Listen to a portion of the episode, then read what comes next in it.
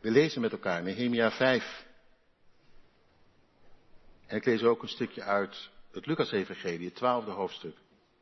Nehemia 5 en Lucas 12. Het gaat goed met de bouw van de muren, met uh, het werk van God, zo gezegd. Maar er gaat ook iets helemaal niet goed intussen. Dat kan blijkbaar. Kunnen dingen goed gaan en het kan tegelijk iets helemaal scheef gaan. Dat God zijn werk doet, daar, en dat er tegelijk ook een stuk eigen gereidheid en ongerechtigheid is die niet kan bestaan. Hoor maar, er ontstond een luid geroep van het volk en van hun vrouwen tegen hun broeders, de Joden. Er waren er die zeiden, onze zonen en onze dochters en wij zelf zijn met velen, dus moeten we aan graan zien te komen, zodat we kunnen eten en in leven blijven. Ook waren er die zeiden, wij staan op het punt onze velden, onze wijngaarden en onze huizen tot onderpand te geven, zodat wij aan graan kunnen komen tegen de honger. Verder waren er die zeiden, we hebben geld geleend voor de belasting aan de koning, op onze velden en onze wijngaarden. Wel nu, zoals het vlees van onze broeders is, is ook ons vlees. Zoals hun zonen zijn, zijn ook onze zonen. En zie, wij staan op het punt onze zonen en onze dochters aan de slavernij te onderwerpen. En er zijn er van onze dochters die al aan de slavernij zijn onderworpen. En dat buiten onze macht. En onze velden en onze wijngaarden behoren aan anderen toe. Ik, Nehemia, ontstak in hevige woede toen ik hun geroep en deze dingen hoorde. Ik ging bij mezelf te raden en ik riep de edelen en de machthebbers ter verantwoording en zei tegen hen, hen, u leent geld uit tegen rente. Ieder aan zijn broeder. Vervolgens belegde ik een grote vergadering tegen hen.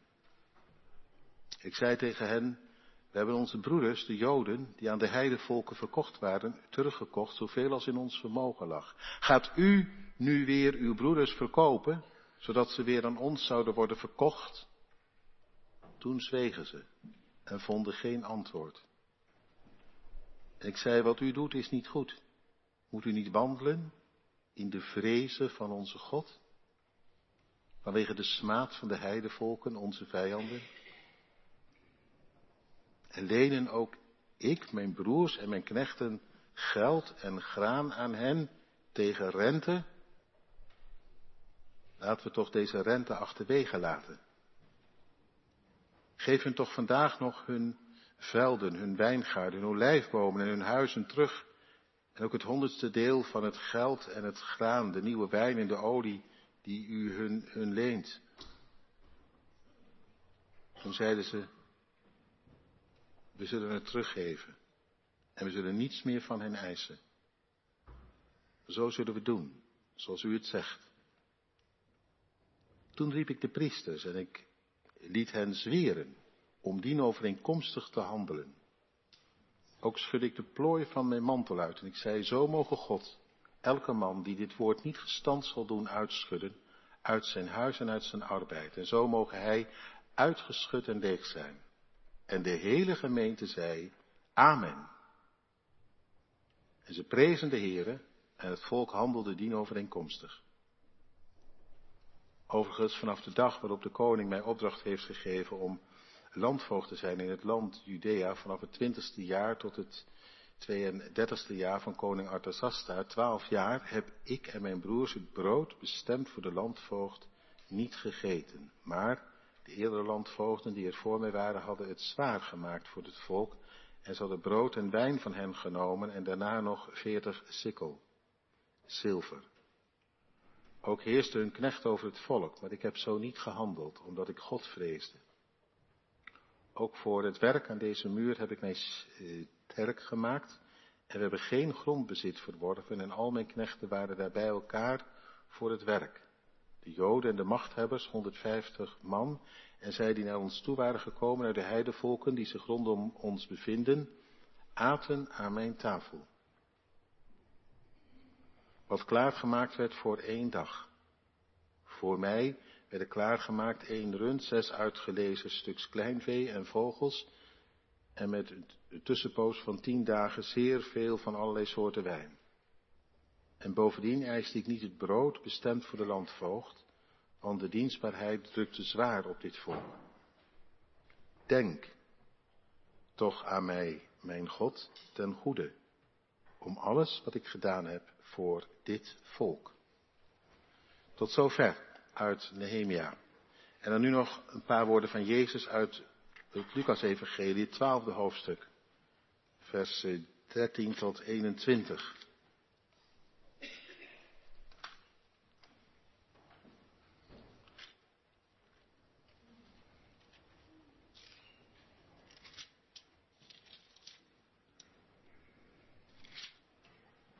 En iemand uit de menigte zei tegen hem, meester, zeg tegen mijn broer dat hij de erfenis met me moet delen. Maar hij zei tegen hen, mens, wie heeft mij tot rechter of verdeler van een erfenis over u aangesteld? En hij zei tegen hen, kijk uit. Of anders gezegd, hoed u, hoed u ervoor. En, en wees op uw hoede voor de hebzucht. Immers, al heeft iemand overvloed, zijn leven behoort niet tot zijn bezit. En hij zei tot hen een gelijkenis en sprak, het land van een rijke man had veel opgebracht. En overlegde bij zichzelf en zei, wat zal ik doen? Want ik heb geen ruimte om mijn vruchten op te slaan. En hij zei, dit zal ik doen. Ik zal mijn schuren afbreken en grotere bouwen. En ik zal erin al mijn koren en al mijn goederen opslaan. En ik zal tegen mijn ziel zeggen, ziel, u hebt veel goederen liggen voor veel jaren. Neem rust, eet, drink en wees vrolijk. Maar God zei tegen hem, dwaas. In deze nacht zal men uw ziel van u opeisen en wat u gereed gemaakt hebt, voor wie zal het zijn? Zo is het met hem die voor zichzelf schatten verzamelt en niet rijk is in God. Tot zover. Het thema voor de eh, preek is bekering op een heikel punt. En ik heb er bij drie gedachten een schokkend relaas. En dan het tweede een hardnekkig kwaad. En tenslotte een heldere boodschap. Dus een schokkend relaas, een hardnekkig kwaad en een heldere boodschap. Heel schokkend is het wel, vindt u niet? Ben je met elkaar bezig daar bij Jeruzalem het werk van God te doen? En dan intussen gebeurt er iets wat van geen kanten deugt. Rijken die zich steeds meer verrijken en armen die steeds meer in die misère terechtkomen. Er waren mensen teruggekomen. Ja, die moesten ook weer een bestaan opbouwen. Maar dat viel nog niet echt, echt mee. Hadden een stukje, een stukje grond.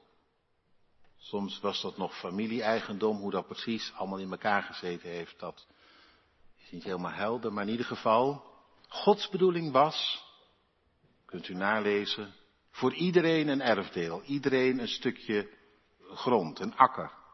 De ruimte om vee te houden, om uh, een wijngaard aan te leggen, om koren te verbouwen, zodat je genoeg hebt om te leven. Voor iedereen een gelijk erfdeel, daar is God van, van gelijkheid. Daar is hij van, niet van ongelijkheid. Dat is recht in zijn ogen. Daarom voor ieder, iedere familie een erfdeel. Prachtig. En, en laat niemand het idee hebben dat die recht op, dat hij of zij, zeg maar, uh, op meer recht heeft dan een ander.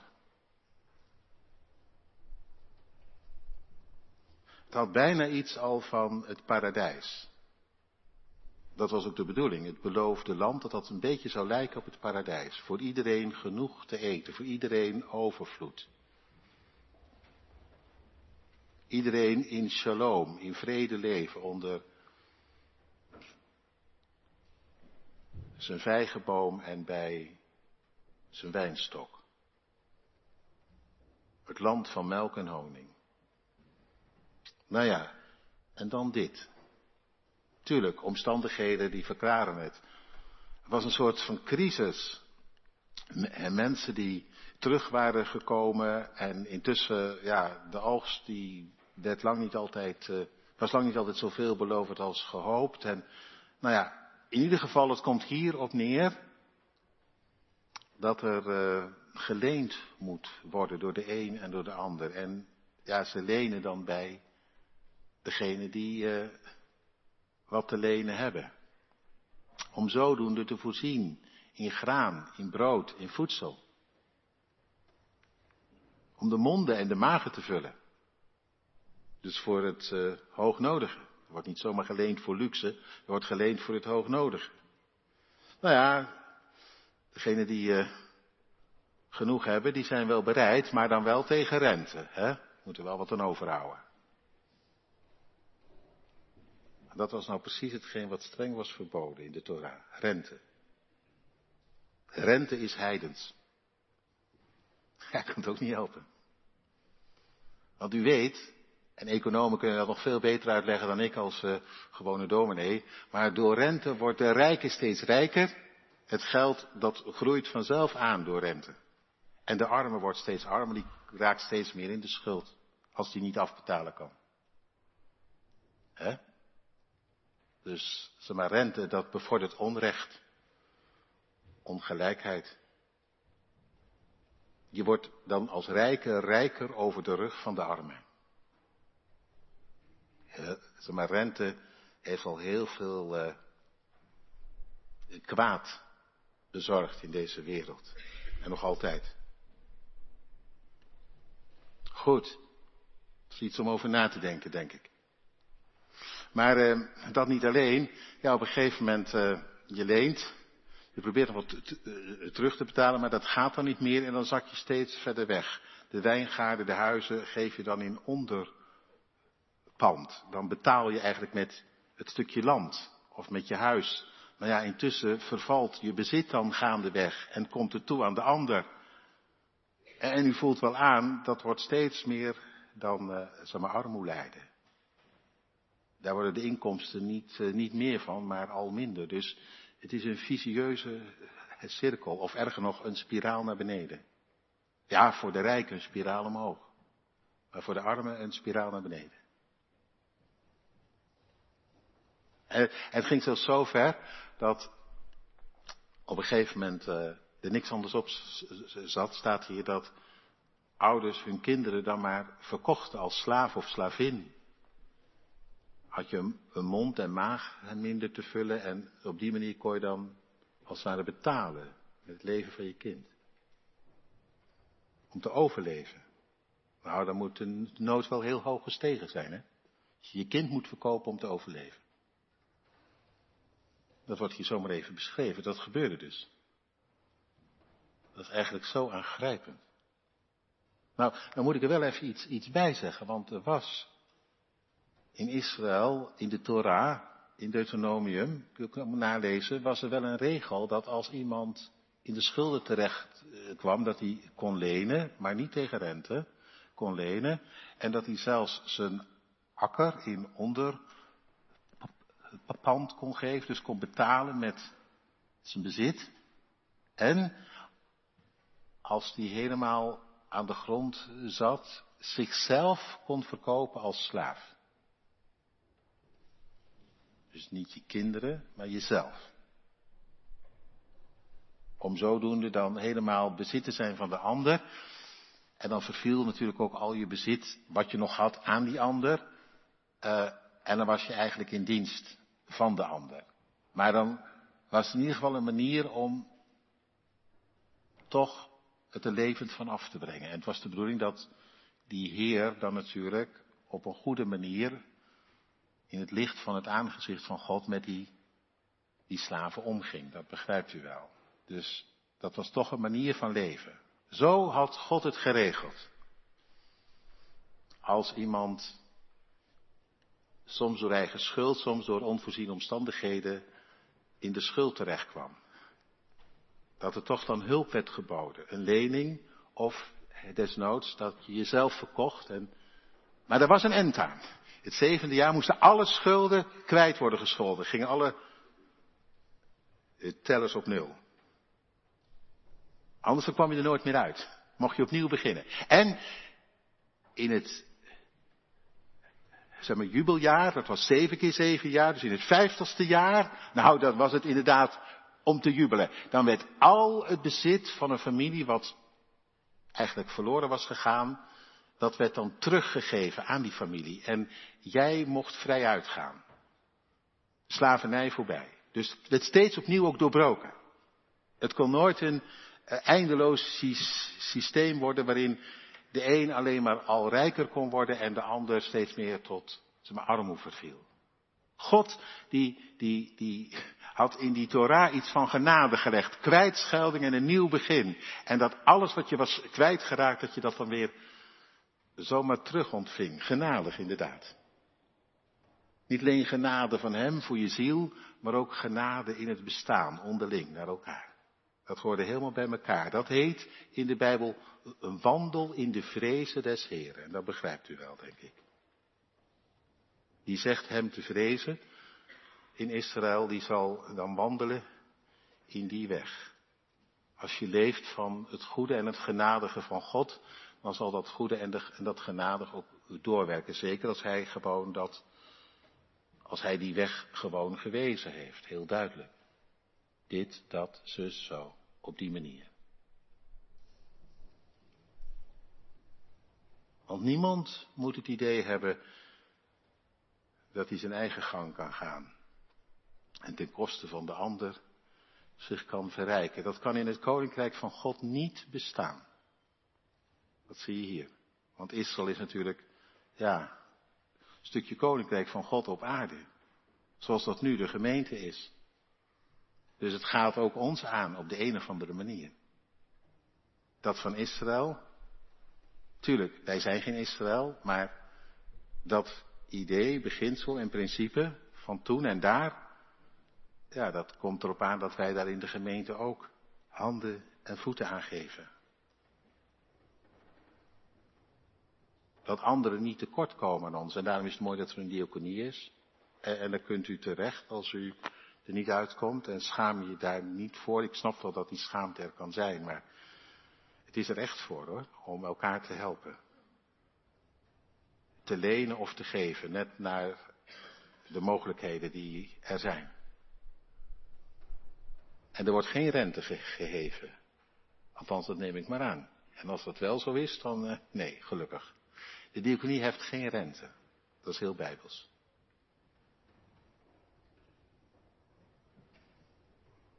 Dus er is ook iets van, er wordt ook iets van zichtbaar. En ja, we zijn tegelijk natuurlijk ook geroepen, de gemeente in de wereld.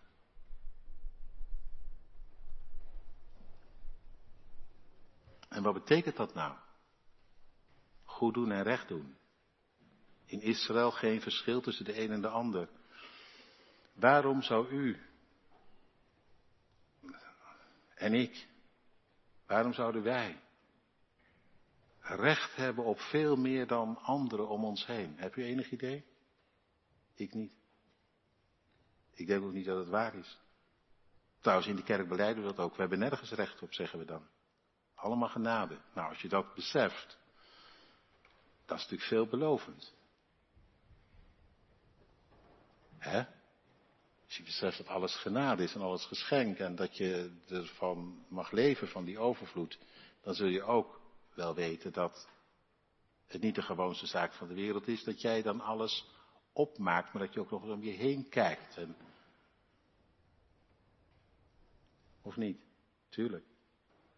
Ik denk het wel, hè? Het zal heel schokkend zijn als dat er weer inschiet. In Israël toen en daar bij Nehemia schoot het er bij in. Erger nog, door de rente die werd gevraagd verrijkte zich de een over de rug van de ander. En Nehemia wordt woedend. Weet je niet vaak, die Nehemia. Ontstak in hevige woede. Ja, ik kan het ook niet helpen. Dat het, zo, dat het zo wordt gezegd. Ik zeg, ja, dat zou eigenlijk een beetje anders moeten. Moeten maar eens een vergaderingetje overhouden. En kijken of we daar een beetje de boel wat kunnen wegzetten. Woede! Dit kan niet bestaan. En het is de woede van God zelf, weet je dat? Het is de woede van God zelf. Echt.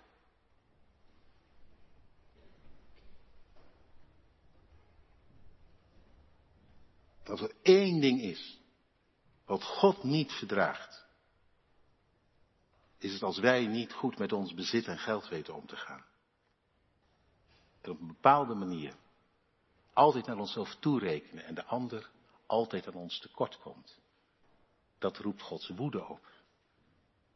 En ik vond het schokkend om deze preek te maken, weet u dat? En daar weer eens heel bewust dat tot me te laten doordringen.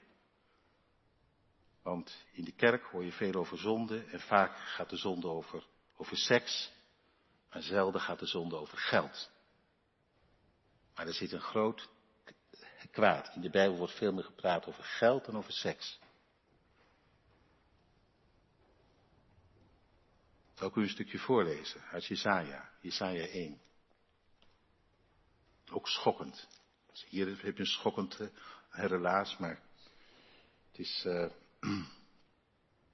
Jesaja 1 ook schokkend hoor. Net zo'n soort verhaal, dat was nog voordat ze in de ballingschap werden gevoerd, want ze lieten zich niet gezeggen, hè, Israël, op dit punt. Daarom heb ik mijn thema bekering op een heikel punt, want dit is echt een puntje waarbij wij al heel gauw denken, hoor eens dominee, ik hou daar niet van, ik vind dat gemoraliseerd, dat gepreek over geld, dat maak ik zelf wel uit. Ineens noemen we dat dan gemoraliseerd. Ik zeg niet dat u dat doet, maar ik hoor dat nog wel eens. En dat is mijn eigen verantwoordelijkheid. Jazeker, inderdaad uw eigen verantwoordelijkheid. Maar dan wel voor het aangezicht van God. In de vrezen des Heren. En anders gaat er iets niet goed. Ik lees u gewoon maar een stukje voor uit Jesaja 1. En ik hoef daar verder niks aan toe te voegen. Hoor maar heel goed wat de Heer daar zegt bij monden van Jesaja. Het ging daar ontzettend goed. Ze ging naar de tempel, de offers gebracht, het gebeden. En moet u horen wat de Heer zegt vanaf vers 15. En wanneer u uw handen uitspreidt, verberg ik mijn ogen voor u. Ook wanneer uw gebed vermeerdert, luister ik niet.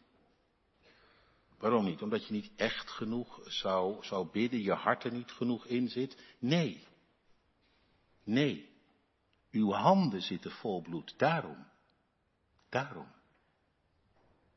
En was u. Reinig u. Doe uw slechte daden van voor mijn ogen weg. Houd op met kwaad doen. Leer goed te doen. Zoek het recht. Help, hoort u, welke zonden er nu worden genoemd? Zoek het recht. Help de verdrukte. Doe de wees recht. Bepleit de rechtszaak van de weduwe. Daar ging het blijkbaar verkeerd. Het had te maken met geld en goed en uitzuigen, uitbuiten en zelf je verrijken ten koste van de ander. Daar. Dat is het grote uh, kwaad. En dan zegt God, en al je offers en al je gebeden maken dat niet goed. Ik wil het niet eens meer horen. Het vloekt in mijn oren. En stop er maar mee als je niet eerst je handen wast. En je reinigt van dit kwaad. Je hebt bloed aan je handen. En dan komt die prachtige tekst. En dat vind ik een magnifieke tekst. En ik haal hem ook nog wel eens aan. Maar hij staat wel in dit verband. Hè? Hij staat wel in dit verband. Kom nu. Laten wij samen een rechtszaak voeren. Laat de stukken maar op tafel komen. Zegt de Heer. En dan daarbij ongelooflijk genadig. Dat is wel apart, hè?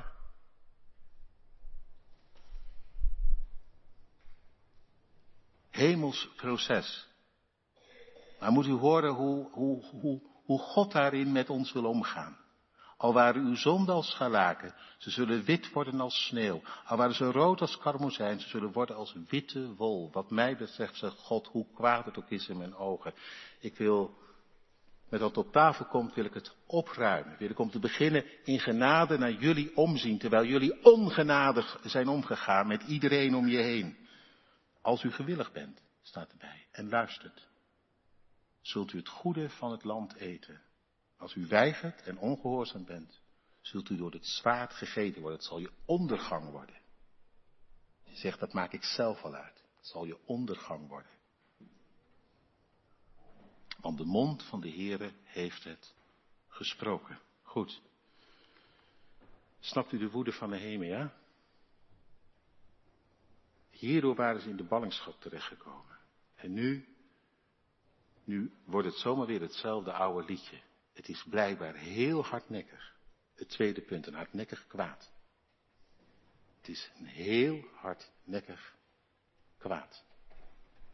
Ook bij u en bij mij. Bij mij net zo goed als bij u.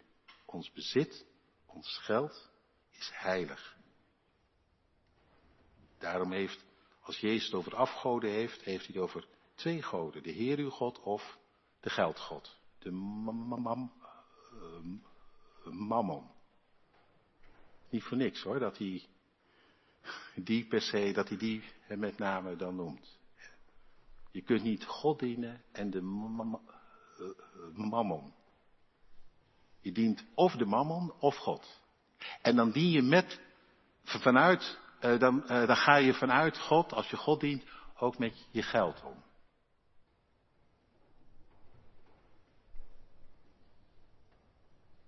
En als je dat niet doet, dan deugt er iets absoluut niet. Dan gaat er iets heel erg fout. En dat gaat ons allen aan. En ik had deze preek al voor de vakantie gemaakt, want ik zou hem eerst vorige week al hebben gehouden, maar door de verschuiving van het avondmaal is het anders gelopen. En ik wil u eerlijk zeggen dat ook wij, Tien en ik, elkaar nog eens heel goed in de ogen hebben gekeken in het licht van deze geschiedenis. En ze hebben afgevraagd, gaat dat echt goed? Dus ik sta u niet vanochtend vanuit de hoogte de les te lezen. Wij moeten allemaal, u en ik, wij allemaal eerlijk in de spiegel kijken. Gaat het nou echt goed? En klopt het wat je doet? En niet te gauw het wegpraten en wegredeneren. Gewoon eens gaan nadenken. En dan denk ik aan wat, wat Jezus zei, die gelijkenis die we zojuist hebben gelezen, weet u wel. Uh, een erfenis, nou ja, je hebt toch recht op de erfenis. Dus die broer die komt bij Jezus en die denkt dat Jezus het dan wel voor hem op zou nemen. Maar Jezus die zegt, ho beste vriend, ik ben helemaal niet aangesteld tot een rechter, maar ik heb een ander woord voor jou. Hoed je voor de hebzucht. Jij kunt wel denken, ik heb recht op die erfenis, hoed je voor de hebzucht. Want er was een man, er was een boer, en die had gewoon eerlijk zijn geld verdiend hoor. Heel eerlijk zijn geld verdiend. Er staat nergens dat die man oneerlijk te werk is gegaan. Nou, en die had geboerd, dat wil je niet weten. Zoveel, zijn schuren konden het graan niet bevatten. En, toen dacht hij, wat moet ik ermee? En toen dacht hij, weet je wat, ik, ik breek de schuren die ik heb, breek ik af en ik bouw veel groter en dan sla ik alles op en dan kan ik gaan rentenieren. Ik zei tegen mijn ziel, neem rust en geniet en wees vrolijk en wees blij en eet en drink. Je hebt het eerlijk verdiend, dus nu mag je ervan genieten ook, punt. Nou, die man had toch gelijk, of niet? Dat is toch de logica van iedereen? En als, als je niet oppast, ook voor jezelf.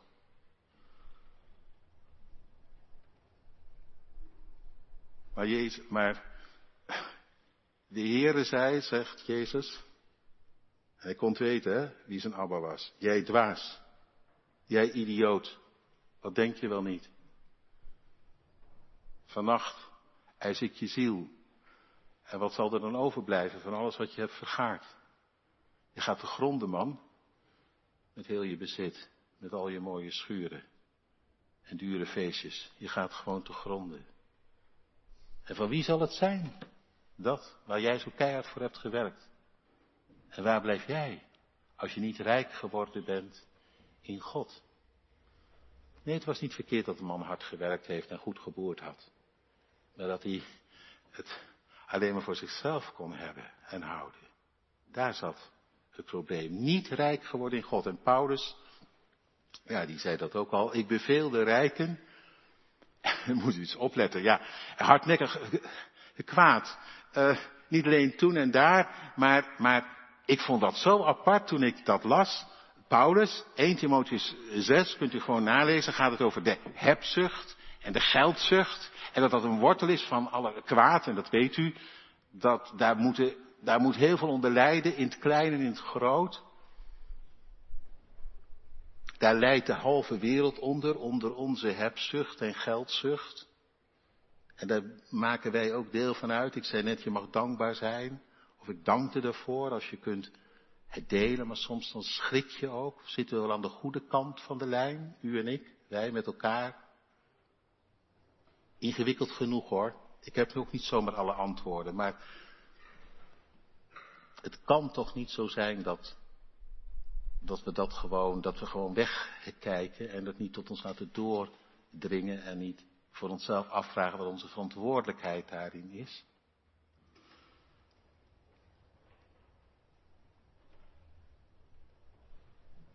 Maar goed, Paulus zei tegen Timotheus, nadat hij het over die hebzucht had gehaald als wortel van alle kwaad. Jij, mens van God, ontvlucht deze dingen. Wat? Had Timotheus er ook last van, van hebzucht? Ja, blijkbaar. Ontvlucht deze dingen. Blijkbaar had zelfs Timotheus er last van.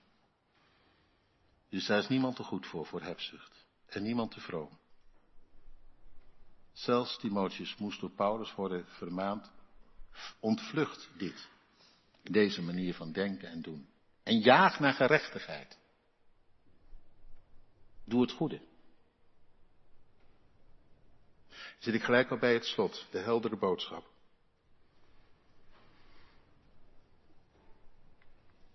Ja, een heldere boodschap.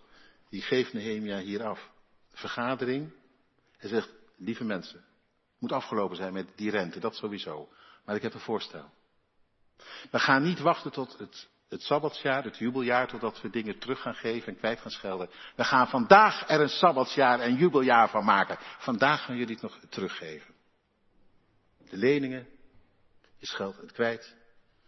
Uh, de akkers, de huizen, wat je als onderpand gekregen hebt. Van de overvloed geef je terug, zodat de ander genoeg heeft om te leven. Dat gaan we vandaag nog doen. Gaan we net iets verder dan de regel. Ja, want je hebt natuurlijk van die regels. Die zijn op zich goed, maar die kunnen zomaar in tijden van crisis een koude en kille regel worden. Dat heb je nu ook wel eens. En Nehemia zegt, we gaan even verder dan de regel. En, en, en dat had hij niet, dat schudde hij uit zijn mouw. Dat had hij uit Deuteronomium 15, wat we net gelezen hebben. Zal ik nog een keer voor u lezen? Daar had iets vandaan. Dat denk ik althans. Maar hij zegt, we gaan gewoon iets meer doen dan we gewend zijn. Want het kan niet bestaan dat er onder ons iemand verkommerd, verhongerd, zo verarmd raakt dat hij geen leven meer heeft. Gaan we niet doen. Deuteronomium 15. Vers 11. Want armen zullen binnen uw land niet ontbreken. U zult, dus ze zullen er zijn. Maar daarom gebied ik u. U moet uw hand wijd open doen. En dat gaan we vandaag doen, zegt Nehemia. Zullen we dat doen? Uw hand wijd open doen. Voor uw broeder, voor uw zuster, de onderdrukte en de armen. In uw land. En geef overvloedig. En laat uw hart niet verdrietig zijn als u hem geeft, maar wees blij. Geef met een blij hart en zeg, joh, ik heb genoeg. Voor jou zit er ook eh, het nodige bij. Prachtig.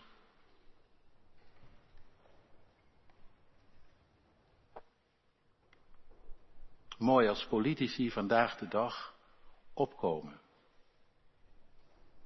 En niet opgeven als het gaat om de toeslagenaffaire.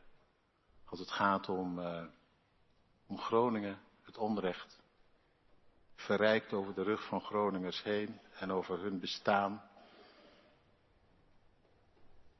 En als we denken aan, aan vluchtelingen, ingewikkeld genoeg, maar toch goed. Als de politici opstaan en zeggen, wij gaan voor recht, voor wat deugt en klopt. En niet alleen maar voor eigen gelijk en eigen volk eerst. En weet u wat heel erg zou zijn als wij in de kerk gewoon het stilzwijgend zouden laten begaan. Ik las van de week, vond ik wel opvallend, van, van professor Hofman, dat zag al u misschien niks zeggen, maar die is, dat is een, een gerenommeerd, goed gereformeerd, emeritus hoogleraar van de, van de christelijk gereformeerde kerk in Apeldoorn. En weet je wat hij schreef? Dat vond ik echt zo, zo goed. Hij schreef, het zal toch niet waar wezen dat we in de kerk ons overal druk over maken en niet over het onrecht wat om ons heen gebeurt. En dat we onze stem als kerken niet verheffen, maar het stilzwijgend laten begaan. Nou ja, het gebeurt dus wel heel veel. Kerken onderling, praten, ruzie, discussiëren over standpunten in dit en dat. Maar als je nou toch eens met elkaar hier in Nederland, we zijn altijd nog met 1 miljoen hè, als je het optelt, zou opstaan en zou zeggen, dit onrecht, het mag, het zal niet bestaan. Waarom niet? Het is niet verkeerd hoor, als mensen daartegen protesteren. Het is bedenkelijker als we denken, nou ja, we kunnen ook alles niet oplossen. Nee, je kunt niet alles oplossen. Nee, je kunt niet alles oplossen. Maar ik ga u ga afsluiten met een prachtig voorbeeld van Nehemia. Die kon ook niet alles oplossen, maar die gaf wel het goede voorbeeld. En hij had als landvoogd, staat in het slot, had hij zeg maar, recht op brood, oftewel inkomsten van het volk. Maar hij zegt, dit heb ik, uh, heb ik voor bedankt. Want ik had genoeg. Ik had gewoon genoeg. Ik had dat echt niet nodig. En heeft het omgekeerde gedaan. Hij richtte elke dag een tafel aan. Er waren ongeveer 150 andere mensen die samen met hem uh, de leiding zeg maar, gaven. En, en, hij nodigde al die mensen aan tafel. En dan laat hij even zien hoeveel uh, dieren daarvoor werden geslacht en, uh, en wijn daarvoor werd aangevoerd. En hij zegt, ze konden bij mij aan tafel eten. Want ik wilde hen niet nog zwaarder onder druk zetten. Ze hadden het soms al zwaar genoeg. Stond nergens in de Torah dat je dat moest doen. Dus het was zo'n goed recht geweest als hij wel het nodig had gevraagd voor zijn inzet, maar hij deed het niet. Hij zegt, ik keer het om. Ik heb genoeg, ik deel. En nou een vraag aan u en een vraag aan jou, aan jongeren ook. Is het normaal dat jij altijd kunt kopen wat je hebben wilt? Tuurlijk zeg je, ik heb er zelf voor verdiend. Ik heb, uh, ja, dat kan hè, op zaterdag met een bijbaan. Maar is het normaal dat alles voor jou is? Terwijl er heel veel jongeren in de wereld zijn die op een houtje bijten. Ik heb het net met die kinderen al over gehad. Nou, die hebben de goede antwoorden gegeven. Ik heb over die kinderen geen zorg. Als je 16 wordt en 18. Moeilijk hè? Van elke 50 euro 5 euro afhalen. Iemand zei tegen mij, ik hou er niet zo van, dominee, als, als u over een tiende begint. Ik vind dat, uh, oh nee, houdt u daar niet van? Waar houdt u dan van? Van uw geld. Ik vind een prachtige regel. En die kinderen hebben net uitgelegd dat het met minder niet toe kan. Ga er maar eens over denken. Dus ik heb er ook over gedacht, eerlijk. En toen kwamen we erachter dat als wij wat snoeien in extra uitgaven, hoef je heus nog niet te besnoeien op eten, drinken, op dat wat er gewoon moet, maar gewoon al dat extra's wat je doet. Hou je zomaar ineens een heleboel over, weet je dat?